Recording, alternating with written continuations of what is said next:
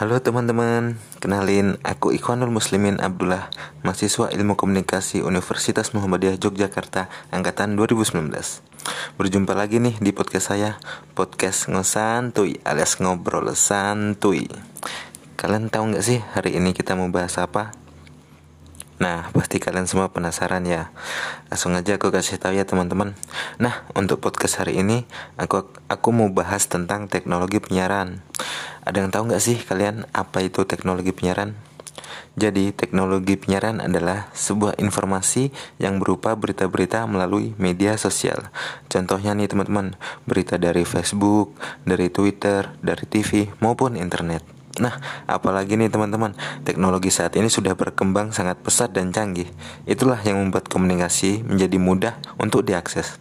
Seperti yang kita ketahui nih teman-teman, perkembangan teknologi dan komunikasi saat ini tidak bisa dipisahkan atau saling berkaitan.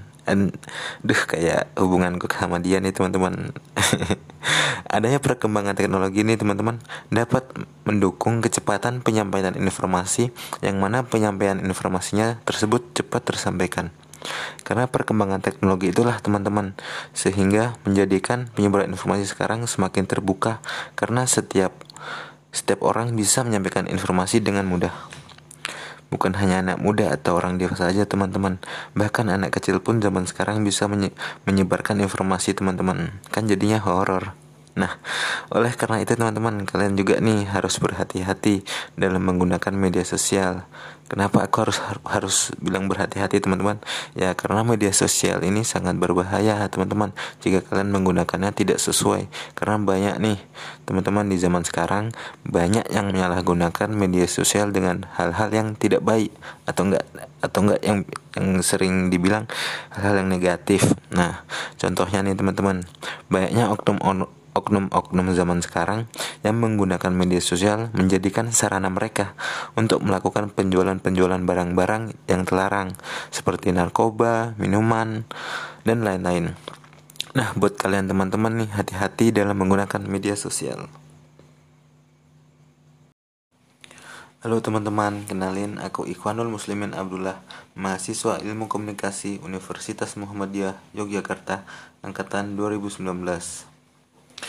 Nah berjumpa lagi nih di podcast saya Podcast ngesantuy alias ngobrol santuy Nah kalian tahu nggak sih hari ini kita mau bahas apa? Nah pasti kalian semua penasaran ya. Langsung aja ya aku kasih tahu ya teman-teman. Nah untuk podcast hari ini aku mau bahas tentang karakter radio dan televisi.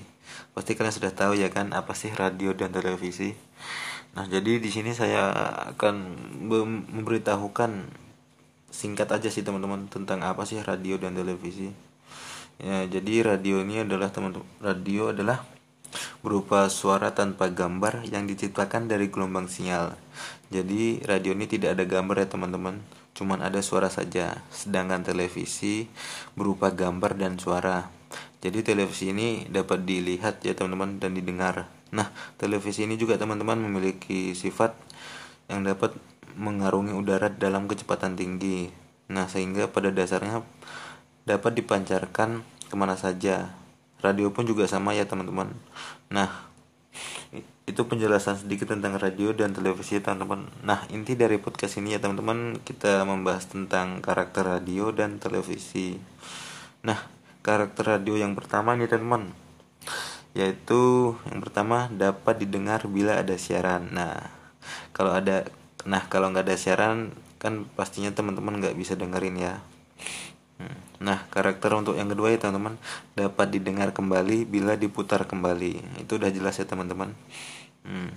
dan yang ketiga adalah daya rangsang yang rendah. Nah jadi daya rangsang yang dimaksud ini teman-teman adalah susah untuk menangkap gelombang sinyal ya teman-teman. Apalagi yang tinggal tinggalnya di pedalaman ya teman-teman. Sangat susah sekali untuk dioperasikan Nah, yang keempat yaitu elektris. Jadi elektris ini adalah sebuah alat yang harus membutuhkan tegangan aliran listrik ya teman-teman. Jadi semua radio maupun televisi membutuhkan tegangan aliran listrik. Nah, yang yang keempat eh yang kelima ya teman-teman relatif murah oh itu ya itu udah pasti murah ya teman-teman radio sedang daripada televisi ya teman-teman nah yang ke yang terakhir ya teman-teman. Yang keenam daya jangkaunya luas. Ya untuk radio jangkauannya lumayan luas ya teman-teman.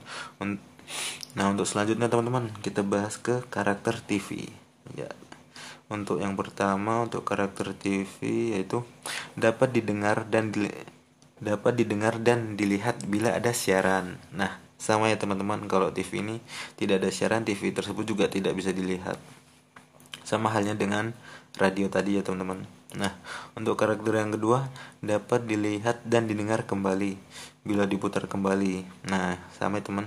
Jadi teman-teman untuk televisi bisa direplay ulang ya teman-teman.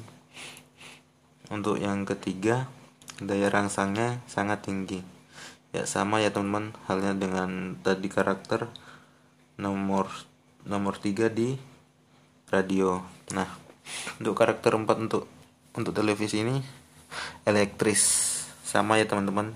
Sama juga seperti yang tadi. Elektris seperti radio. Televisi ini juga membutuhkan aliran listrik ya teman-teman. Seperti radio sama halnya membutuhkan tegangan aliran listrik. Nah untuk kelima sangat mahal. Ya udah udah pasti sangat mahal ya teman-teman dibandingkan dengan radio.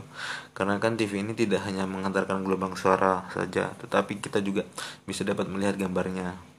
Udah udah sangat beda ya teman-teman. Nah untuk karakter terakhir ini teman-teman untuk televisi yaitu daya jangkau yang luas. Nah sama ya teman-teman.